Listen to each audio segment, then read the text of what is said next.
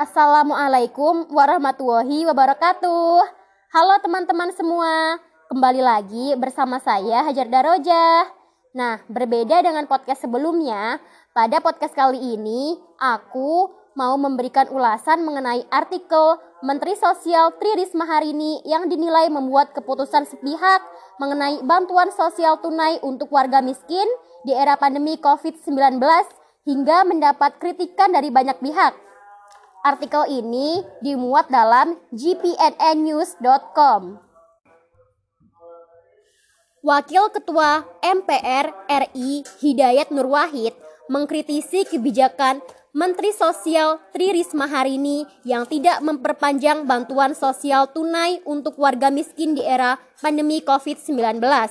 Padahal, menurut Hidayat, Direktur Anggaran Bidang PMK di Kementerian Keuangan mengungkapkan bahwasanya Menteri Sosial tidak mengajukan usulan perpanjangan bantuan sosial tunai yang akan selesai pada bulan April.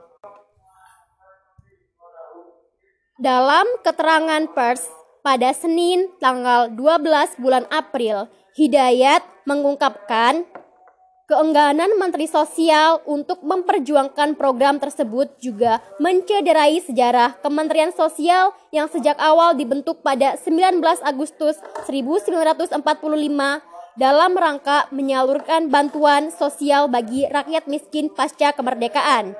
Dan sekarang akibat COVID-19, rakyat miskin bukannya berkurang dari tahun 2020, justru bertambah sebanyak 2,7 juta orang menurut BPS per Februari 2021. Hidayat menilai Menteri Sosial Risma tidak menjaga tradisi dan melakukan kewajibannya untuk memperjuangkan bantuan sosial bagi rakyat miskin. Bahkan mengusulkan perpanjangan programnya pun belum, tetapi langsung membuat keputusan sepihak menghentikan bantuan sosial tunai. Menurut beliau, semestinya Menteri Sosial memaksimalkan perjuangan untuk mendapatkan anggaran itu dengan mengajukan program perpanjangannya ke Kementerian Keuangan yang ternyata masih membuka peluang untuk penyiapan anggaran bantuan tunai tersebut sebagaimana disampaikan oleh Direktur Anggaran BIT PMK Kementerian Keuangan. Dan menurut pendapat saya, kebijakan yang diambil Bu Risma ini terlalu berani dan menimbulkan kesalahpahaman. Padahal, sebagus apa pun kebijakan atau keputusan yang diambil seharusnya, Bu Risma merundingkan dan membicarakan terlebih dahulu agar tidak menimbulkan keresahan dan kesalahpahaman.